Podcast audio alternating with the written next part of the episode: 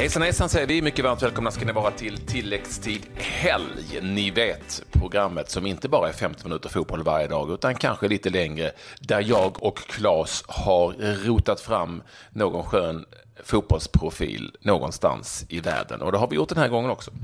Ja, vi har det. Vi eh, begav oss mot eh, västkusten den här gången. Och eh, där hittade vi en, en gammal räv, fyllde nyss 40 ska vi säga. Och lite grattis. Är det sant? Ja, Så jävla gammal? Ja, tiden går. Men han är evigt ung. Han är evigt ung. Vi säger ju hjärtligt välkommen till Stefan Selakovic. Tack så hemskt mycket. Ja, Vad gör 40, du nu för tiden? Ja, vad gör jag nu för tiden? Det trodde jag alla visste. Nej, men eh, jag jobbar väl eh, med fotbollsspelare som ja, förmedlare, rådgivare, agent. Det finns många namn nu för tiden. Men du ville inte säga agent. Du ville inte säga agent. Jag hörde det för att det låter så lite, eh, ja. Jo då, absolut. Det har jag inga problem med. Hur kom, Inga du, problem hur kom du in på det här, eh, Sella? Eh, jo, men jag kom väl in på det på så sätt att eh, Karl Fager som var min rådgivare de sista sju, åtta åren kan man väl säga. Att, att vi pratade lite löst om det och när jag la skorna på hyllan så, så tog vi upp diskussionerna och det föll sig naturligt. Hur har det varit då? Alltså, hur har det varit då? Kan du, kan du liksom eh, beskriva eh, den förvandlingen från spelare ganska snabbt då till eh, agent? Eh, ja du, herregud. Först och främst är det mycket mer komplext än vad jag någonsin trodde att det skulle vara. Eh, jag tror att jag hade samma bild som de flesta andra. andra att man egentligen eh, hittar en ny klubb, förhandlar fram ett avtal och så är jobbet klart. Men det är så oerhört mycket mer att, att, att göra däremellan än vad jag trodde i alla fall. Eh, så det är möjligt att jag kanske var en enkel spelare att ha hand om för att jag ställde inte så mycket krav. Men det ser lite annorlunda ut idag tycker jag. Så eh, Men vad, vad du menar med Men, komplext? ja. Vad, vad kan, du, kan du beskriva lite mer ingående? Nej, men alltså det är ju inte bara liksom kan man säga, administrativ uppgift utan det är väldigt mycket relationsbaserat. Och, och däremellan, det, det tar ganska mycket tid. Och det beror väl såklart på hur man jobbar, men mitt sätt att jobba tar det väldigt mycket tid. Man vill ju följa med killarna och se deras matcher och sådär. Så att, ja, det finns att göra i alla fall. Är det viktigt, utgår jag från då, känner du, att man har en ständig eh, kontakt med eh, klienterna, om vi får använda då ett sånt eh, kliniskt ord som man använder i agentvärlden? Ja, jo, men jag tycker det. För mig är det nästan A och O. Eh, Det blir lite svårt för mig, tycker jag, att man säger, att bedriva en seriös verksamhet, om jag uttrycker mig så, om jag inte ser deras matcher och ser hur det går för dem och kan prata med dem om det. Det tycker jag är superviktigt. Och sen handlar det inte bara om det, utan även att man lär känna dem på ett, på ett lite djupare plan kanske och deras familjer och sådär. Det tycker jag också är jätteviktigt för då får man också ett bättre grepp på det stora hela tror jag. Hur många spelare... Ja, förlåt. Ja, nej, så, men hur många spelare kan man då ha om du ska sitta... Det blir ju ett par matcher och spana igenom. Ja, men precis. Det, det, idag finns det ju väldigt bra eh, verktyg på eh, att använda. Eh, olika scoutingprogram och sådär så att man kan alltid se matcher i efterhand och sådär. Det är omöjligt att se alla matcher live. Det, det, det går liksom inte. Eh, man kan alltid komma ikapp. Så det försöker jag göra. Eh, definitivt. Vilka lirare har du i ditt stall? Ja du, eh, om man tittar på... Eh, vi är ju ett team som jobbar tillsammans. Eh, så man kan ju alltid... Sen har ju all, alla inom teamet kanske en spelare som de har mer ansvar för. Eh, och de som jag kanske ansvarar lite mer för, eh, i alla fall den dagliga kontakten. Om man ska titta på landslaget senast så var det väl kanske Totte Nyman, Jakob Johansson, Carl-Johan Jonsson. Tre exempel då. De känns ju lätta i drift, eller? Det kan... Det, ja, men... Det, ja, det lät inte så bra det där. Nej, men jag menar, det är, Nej, inte, det- det... är inga extravaganser. Eh, Det var mer att det var bra killar på det sättet. Det är fantastiska killar. Eh, Och jag vet inte, man kanske dras till sådana omedvetet. Jag har inte en aning. Men det är just de jag pratar om där är ju jättegoda killar. Och det är också viktigt för mig att man får någonting tillbaka i form av energi och sådär. Och de killarna vi pratar om nu är alltid oerhört tacksamma och, och vill även ge någonting tillbaka vilket eh, gör mitt jobb jättemycket lättare. Så det, det uppskattas från min sida. Hur ofta händer det att det ringer eh, spelare, ledare, föräldrar och eh, säger att deras eh, son är bäst i världen eh, eller vad det nu kan vara. Deras spelare är, är någonting som måste säljas och, och sådär. Hur, hur ofta har du den typen av kontakt? Eller får du den kontakten? Uh, men just i det här fallet när det gäller seniorspelare så är det väldigt sällan jag har kontakt med föräldrar. Uh, men på ungdomssidan, alltså jag tror föräldrar idag är mycket mer om sig och kring sig. Det händer ju nu har inte jag varit i den här branschen lika länge som Patrik Mörk till exempel som har hållit på i 30-35 år. Men han får säkert dagligen e-mail av föräldrar som säger att min son är jättebra. Kan inte du hjälpa honom? Det tror jag. Mm. Eh, och sen har vi ju de i våra team som jobbar mer med ungdomar än vad jag gör och de har garanterat mycket kontakt med föräldrar och familjer. På gott och ont. alltså, I de flesta lite... fall är det nog lugnt. Ja. Ja. Hur, hur, hur går det som en, en förhandling till? Om, om du ska sälja en spelare härifrån, liksom, ja, någon säger men nu, nu börjar det bli dags att röra på sig. Hur, som, hur går det här till? Ja, men det faller väl sig ganska naturligt. Eh, om en spelare kanske har utgående avtal eller går fantastiskt bra i sin klubb eller av det av olika anledningar blir naturligt att tänka att nu kanske det är dags att flytta. Ja, då, då är det dags att börja sondera marknaden. Och där är vi ganska många i teamet så då slår vi oss ihop och tar kontakt med de klubbar vi känner direkt eller i andra partners i andra länder. Och så blir det väl som att lägga ut en bombmatta över Europa och världen kan man väl säga. Och så, så får man ju någonstans se då vart intresset kommer ifrån. Men det brukar ske ganska naturligt det där. Man, man ser och känner vad det känns hetast och sådär. I den bästa av världar så har man ju fler alternativ att, titta på. Det är ju ingen hemlighet att du har gett dig in i en bransch eh, som ju har ett ganska skamfilat rykte. Eh, det är det minsta man kan säga ibland. Eh, och där det dessutom förekommer affärer som kanske inte alltid är renhåriga. Alltså vad kände du själv innan du gav dig in i det? Vad, vad visste du och vad har du lärt dig under tiden? Hur, hur är det? Jag, menar, jag vet ju att alla agenter inte är idioter. Eller, du är ett tydligt exempel på det. Eftersom jag vet att du är en snäll kille. Men, men alltså, du måste ju ändå ha upplevt eh, hur det är och vad tycker du om det där ryktet? Är det, är det felaktigt? Det är svårt för mig att svara på. Jag kan ju egentligen bara svara på hur vi jobbar. Och jag tycker nog att vi jobbar på ett väldigt bra sätt. Det har också varit viktigt för mig att jobba med, med människor som delar mina värderingar och mitt sätt att tänka och det, det gör jag. Eh, Karl och Fager som jag jobbar närmast har ju varit en alldeles utmärkt mentor för mig tycker jag och han har ju lärt mig hur man jobbar på som jag tycker är bästa sätt och det är väldigt transparent. Vi är extremt öppna och transparenta med våra spelare och det, det döljs liksom inga siffror oss emellan eller något. Det tror jag ni kan fråga dem också om. Så att, eh, och det tror jag är viktigt för mig också för det visar att man inte har någonting att dölja. Sen vet jag inte hur andra jobbar. Eh, Kom igen nu, du har ju ändå sett och hört någonting. Det är så... alltså, ska, du bli polis? Ska du bli politiker Sälla? ja. ja, Du kan söka jobb som, som eh, Sveriges ambassadör i New York.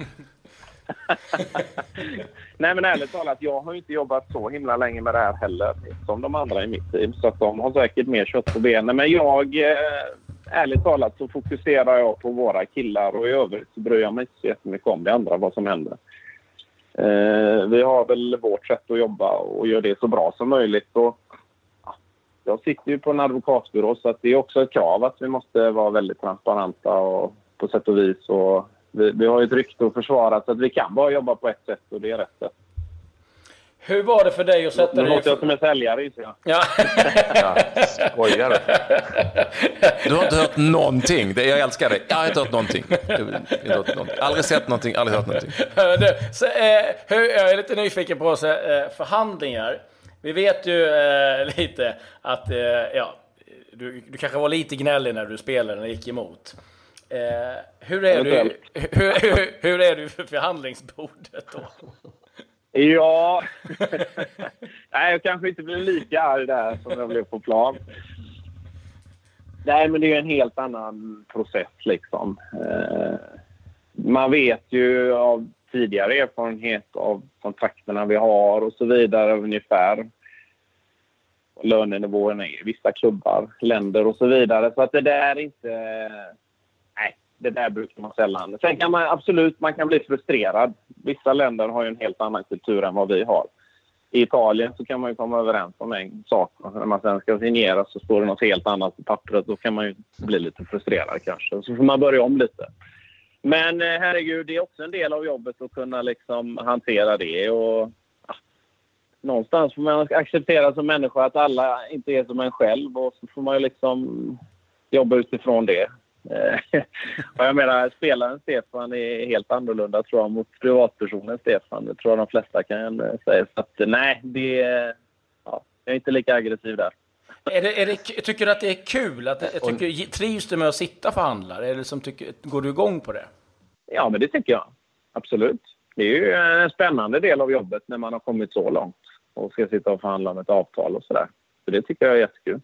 Vad finns det för, eh, om du kan nämna några exempel och inte nämna några namn och så, för specifika krav som du har stött på eller eh, erbjudit eh, som man kanske inte tänker på? Eh, nej, men alltså det alldeles uppenbara är ju liksom kontaktlängd och lön och sådär. Men sen finns det ju ofta, eller ofta, men ibland är det ju massa förmåner som ingår. Bonusar av olika slag och... Eh, någon gång så var det väl en kille som blev erbjuden en eh, ganska bra bonus som han lärde sig språket i det landet faktiskt. Coolt! Vad häftigt. Jag tycker faktiskt att var det, den var rätt vettig. Ja. ja. Ja, men jag också. Jag är supercool. Det, Klabb hade haft svårt. Han har grovt på språk, men jag hade kanske inte. Sen kan man alltid diskutera när har man lärt sig ett språk eller inte. Det är ju ja, ja, det, det, det, svårt det, att avgöra. Det provet antagligen det, det tuffaste som någonsin äh, har gjorts. Ja, och sen så, bro, så hade det varit... Man var och så kan man spanska. Ja, ja Patrik, det är att man säger li, hola. Li, um, men det beror lite på språk också. Jag kan tänka mig att Marcus Berg inte hade köpt den, den klausulen där han är nu till exempel.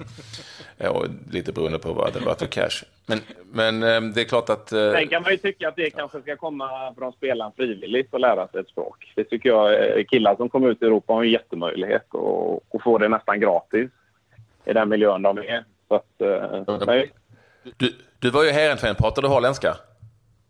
Jajamän. Ja. för domen. Ja, men det, som jag sa, för egen del så såg jag ju bara det som en möjlighet. Och jag tycker väl det handlar lite om respekt för, för killarna som faktiskt lever där också. Att man i alla fall försöker. Sen behöver man ju inte kunna det fläckfritt. Men eh, jag tycker ändå är en fin gest mot sina lagkamrater att man, att man försöker och lär sig lite grunder i alla fall. Sen förstår jag att en det är annan... extremt svårt om man eh, spelar i Kina till exempel. En annan brinnande fråga, Stefan, det är förstås hur långt ner i åldrarna ska man gå? Eh, när behöver man en agent? Och jag vet att du kanske kommer att svara att det är väldigt individuellt, men om vi nu tar hyggligt generellt då, behöver verkligen en 15-åring en agent? Ja, ja, det är jättesvårt att svara på. I vissa fall kanske det gör och, och i vissa fall inte. Eh, jag tror eh, Elitpojk har ju ofta varit en, en sån här där det sätter igång på något sätt. Eh, och jag tror de som är jätteduktiga där, det kan vara skönt för dem att kanske ha bestämt sig för en agent för att kunna slå ifrån sig lite om du förstår vad jag menar.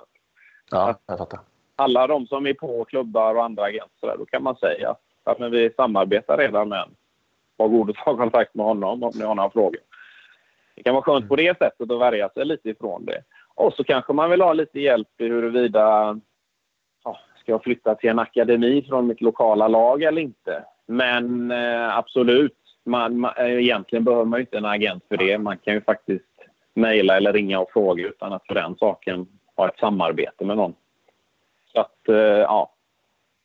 Egentligen mer nej än ja, skulle jag säga.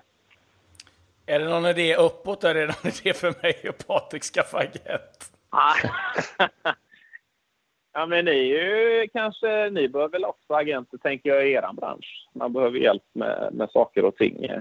Jag vet inte. Det kan väl ni svara på. Behöver ni agenter? Nej, jag har ingen. Eh, inte... Nej, men då... Eh, jag har ju lite hjälp ibland med vissa saker, så att det kan man ju behöva. Det, det är sant. Eh, men jag hade ju helst velat, jag hade helst velat ha en fotbollsagent. Helst velat ha en fotbollsagent, men jag tror fan att det är kört alltså. om du säljer in oss, Sella, om du säljer oss, då, då kan du säga då blir du årets agent alla kategorier. ja. Säljer du in oss till en akademi, då, då, då jävlar i det. Nej, jag läste ska... Men jag måste bara få återkomma till det här med eh, olika bonusar. Jag vet att eh, efter 94 så var det någon brasse där som eh, eh, flyttade till Italien och han hade en bonus som han gjorde fem mål. Då var klubben tvungna att fixa en dejt med Madonna.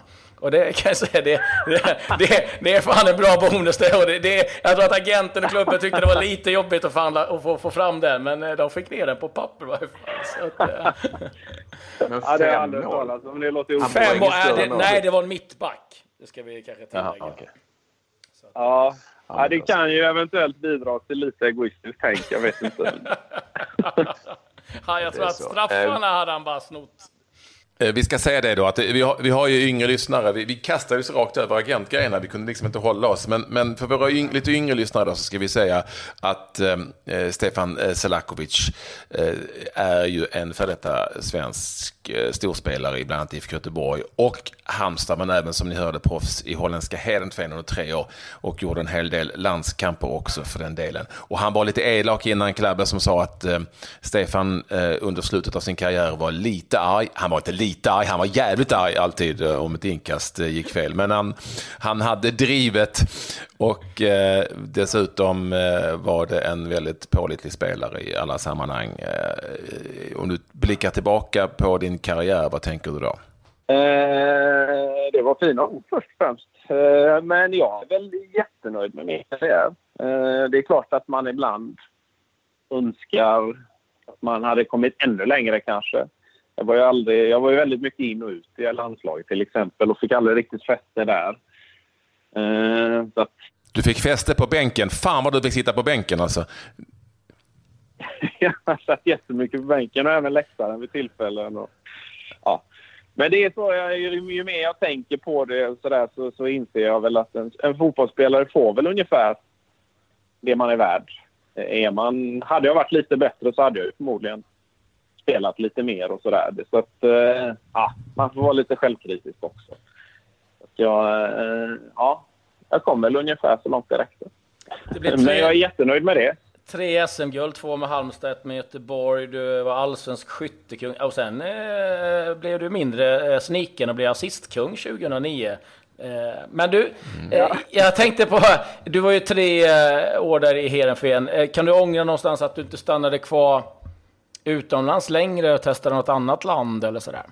Det är klart att de tankarna har kommit så här i efterhand, men samtidigt så just där och då så tog vi ju det beslutet utifrån förutsättningarna som fanns där och då. Och jag menar just då kändes det som absolut rätt beslut. Så då går det inte att ångra heller.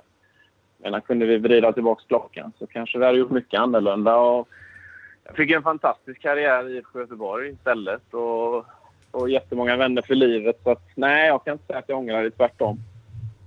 Ja, vi ska säga det också. Över 200 matcher, direkt, alltså 201 matcher för IFK Göteborg och 41 mål, vilket är ett imponerande facit för en spelare som väl eh, mest eh, var, eller du var ju mest mittfältare trots allt. Eh, eller hur? Det blev väl så va? Du spelar väl lite forward ibland? Ja, jag tror mitt första år i Göteborg så gjorde jag nog eh, en hel del matcher som forward. Men eh, ja, det blev, till slut blev det ganska mycket in, eh, mittfält där också. Vi hade ju väldigt många fina forwards där. Så att, ja, det blev så. Jag var lite för allround kanske, så man fick alltid flytta på sig.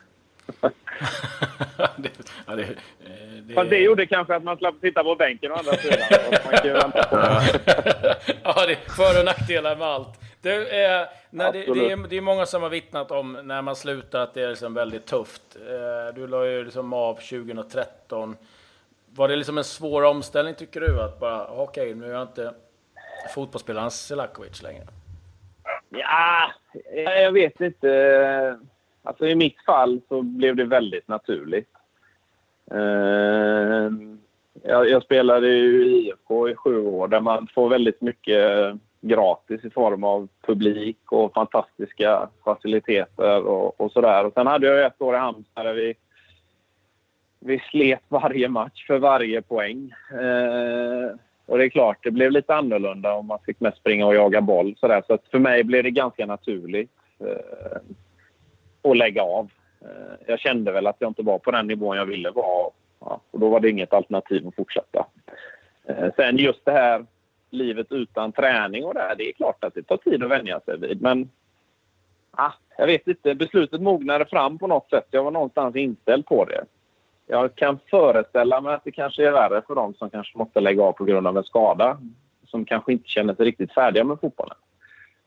Uh, och nu hade jag ju ändå också lite planer på vad jag skulle göra och sådär. Har man inte det heller då tror jag att det kan vara jättetufft. Uh, för fotbollsspelare. Det är ju fotboll man kan och man har ofta inte haft tid till någon utbildning eller, eller gjort det då. Så att, ja, man kanske är 35 år och inte har någon arbetslivserfarenhet eller utbildning. Ja, vad ska man göra då? Så där tycker jag att vi i vår roll har ett stort ansvar att man under den aktiva karriären tidigt börjar tänka på eller i alla fall fundera i banor kring vad kan jag göra redan nu för att kratta för framtiden. Men även klubbar har ett ansvar att man kan hjälpa till och kanske slussa in spelare med sponsorer och så vidare. Där har man ju fantastiska möjligheter om båda parter vill. Ja, det är jag har många... två frågor. Jag vill du säga något, Claes? Nej, kör du. Nej, men jag har två frågor som slog mig. Och en, en, fråga var du inne på lite där och det är ju det här med att du var lite allround. Eh, är det vilka spelare är svårast att sälja om så jag menar? Jag har alltid fått för mig att om man är lite specialist, lite Joakim Björklund eller något sånt där, så är det lite lättare än, att, än om man är en jävligt, jävligt bra inom mittfältare till exempel, för det finns så många. Det var fråga ett. Och fråga två, eh, det, eh, den har jag glömt. vi tar bara ettan. Jag kommer på två. Du, du är inte heller 40 längre. Nej, fy fan. Vilket jävla minne man har. Ja, på, på... Ja, du har också nick, nickat för mycket. Nej, inte alls. Nej, inte det, alls. det är väl det som är problemet. Uh, nej, men på fråga ett så tror jag inte det finns något liksom givet svar. Uh, sen så är det väl oftare så att det, kan, det är ju förmodligen lättare att sälja en målskytt än en målvakt. Det tror jag. Ja. Uh, mål, målskyttar är ju alltid eftertraktade och, och behövda i alla lag. Men, men om vi säger så här då, en, en extremt eh, mycket vänster yttermittfältare eh, jämfört med en eh, väldigt bra innermittfältare då till exempel. Det är det jag menar, att det är rätt svårt att gå iväg som en nummer 10 för det, då ska man vara jävligt bra och det finns många som är, är framstående just där. Ja, så kanske det är. Jag, jag vet ärligt talat inte. Uh, vad fan ska jag lära dig jobbet också? Hemskt gärna om du... Alla tips tas emot tacksamt. Sällan kränger allt, det är det jag vill ha sagt. ja, precis.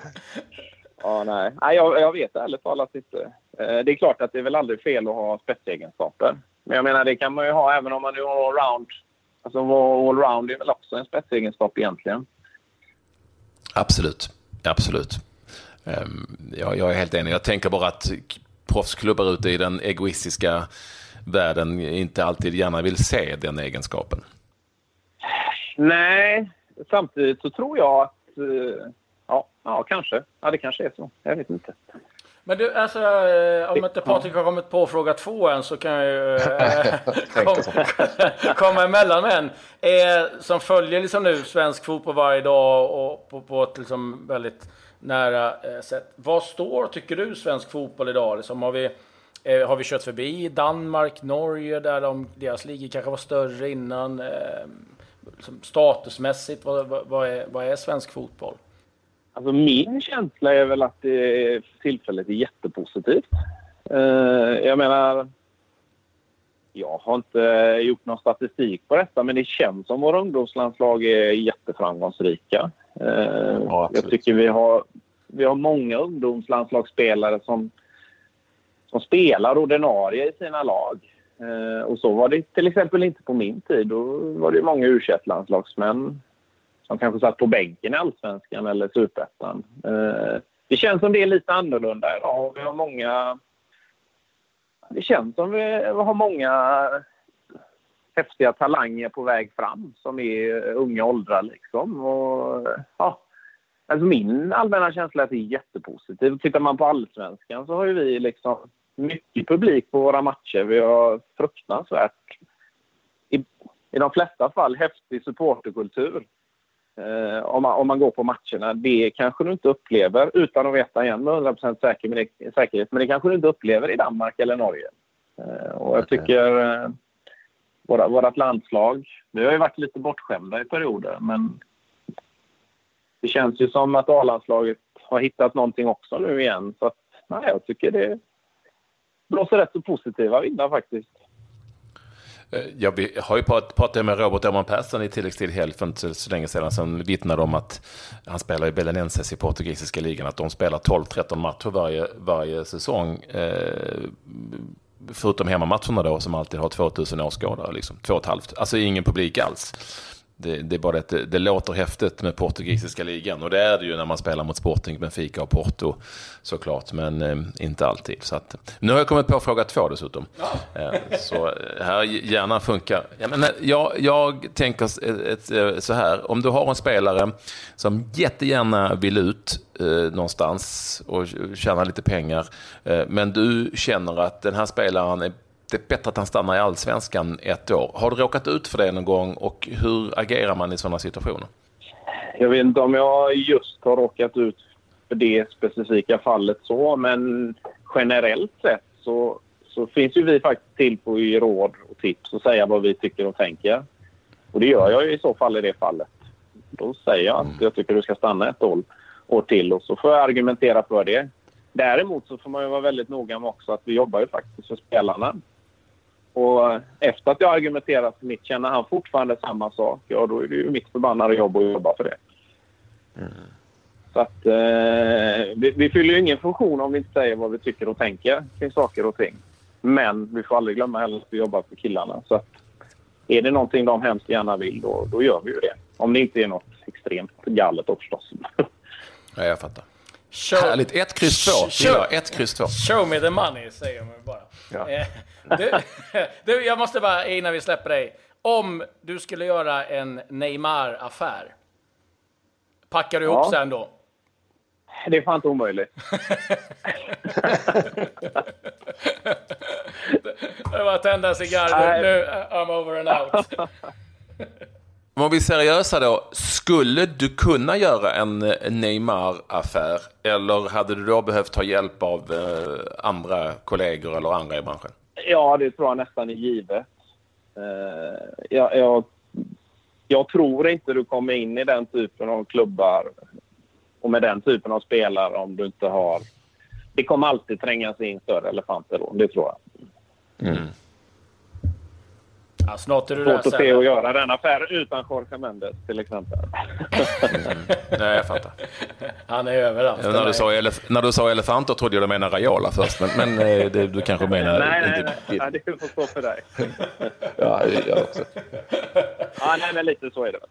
Ja, härligt, härligt Sella. Men eh, vi skickar en, eh, en DVD till dig med det bästa vi skrapade upp där under, under sommaren så se om du kan sälja eh, mig eller Patrik.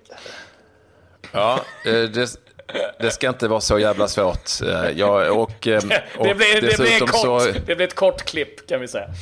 Ja, men dessutom kan jag också skicka eh, med på samma DVD mina råd till en agent så att du vet hur du ska jobba framöver eh, om du känner att du vill ta del av de råden som jag hade. Som sagt, eh, så... har sagt att jag är extremt ödmjuk i det jag gör så att alla, alla tas emot tacksamt. Ja, eh, härligt. Och, och, jag pratade med Mats Olsson här, eh, min kollega, för eh, några dagar sedan och sa att vi skulle prata med dig och då sa han att att, han, att alla i början kallade dig för Selakovic, Selakovic som man kan, många i Halmstad. Innan, folk, innan folk lärde sig att det var Selakovic. Det tog ganska lång tid och dessutom är det ju så, får vi inte glömma, att jag vet att du gör allt för att dölja det, men du heter ju Stevan med V, eller hur? Jo, inte det är helt korrekt. Det är helt korrekt. Nej, det gör absolut ingenting för att dölja det. Jag har bara blivit så. Jag orkar inte tjafsa.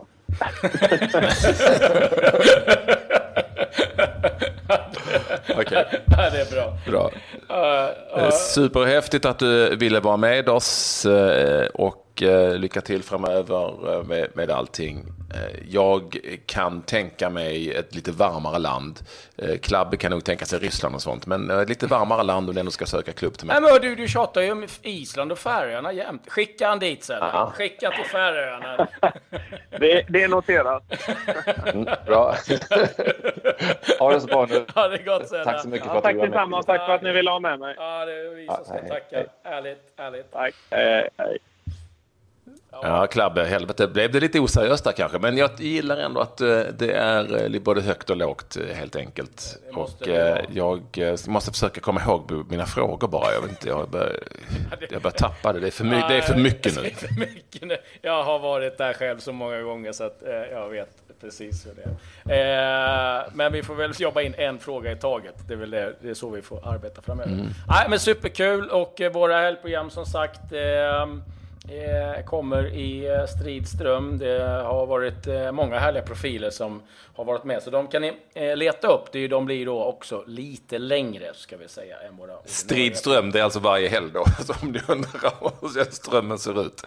Varje helg kommer, ja, finns det... programmen. Och de, kan man, och de kan man ju gå, faktiskt i större utsträckning gå tillbaka och lyssna på. För de är ju som mera traditionella podcast, Precis. det vill säga tidlösa.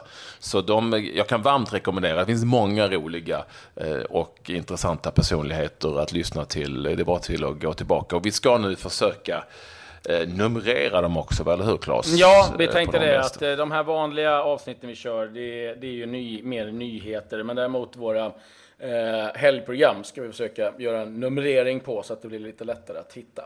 Eh, men det jobbar vi på eh, lite grann här. Så, det ska förhoppningsvis snart vara fixat.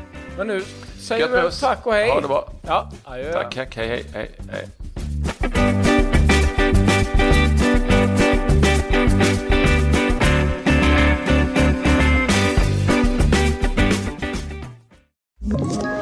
Ett poddtips från Podplay.